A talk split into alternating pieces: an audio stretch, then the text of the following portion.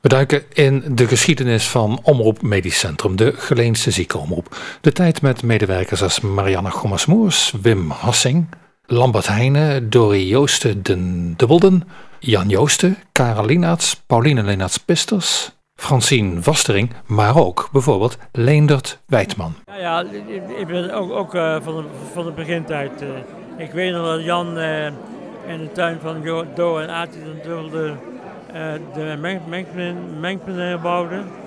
En ja, we waren ook, je had ook de mensen van Jan en zijn vader, die hebben nog bij de stam van de scouting nog gevraagd van of er mensen waren om erbij te komen.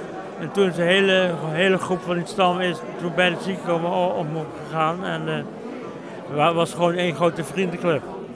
En iedereen deed zijn programma's. En uh, ik weet dat zondagochtend was een verzoekprogramma en zondagmiddag een sportprogramma. Dan was ik vaak technicus. En s'avonds was er een klassiek programma. En zo waren er allerlei programma's en alles was live. Sportprogramma's in de jaren 60. Dat was niet met de mobiele telefoon even inbellen. Hoe, hoe ging dat toen? Ik weet nog bijvoorbeeld bij, bij de Smoke Eaters hadden we een draagbare recorder met bandjes van een half uur. En er was iemand die sprak dat in. En dan als het bandje vol was, sprong een ander op de fiets en bracht naar de studio en werd daar afgedraaid. Ja. En net toen... of, of, het live was. Ja, dus we liepen één, uh, wat was dat, 20 minuten of zo, ja. uh, periode, liepen we achter.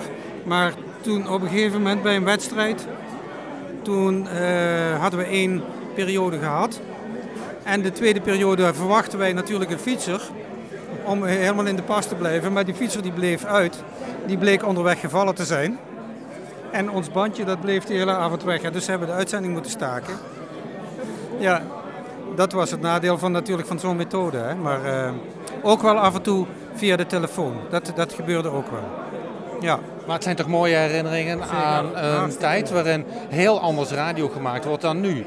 Geen automatisering, niks dat helemaal uit de computer komt, maar gewoon alles met de hand. Ja, alles heel primitief. Ja, klopt. In, in die tijd waren we best wel modern, want we hadden grote uh, bandrecorders. En waar, waar je echt scherp kon stellen met muziek.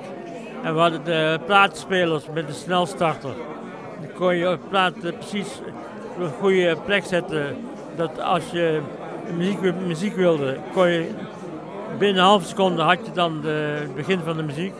En we waren toch behoorlijk goed geïnteresseerd, vond ik.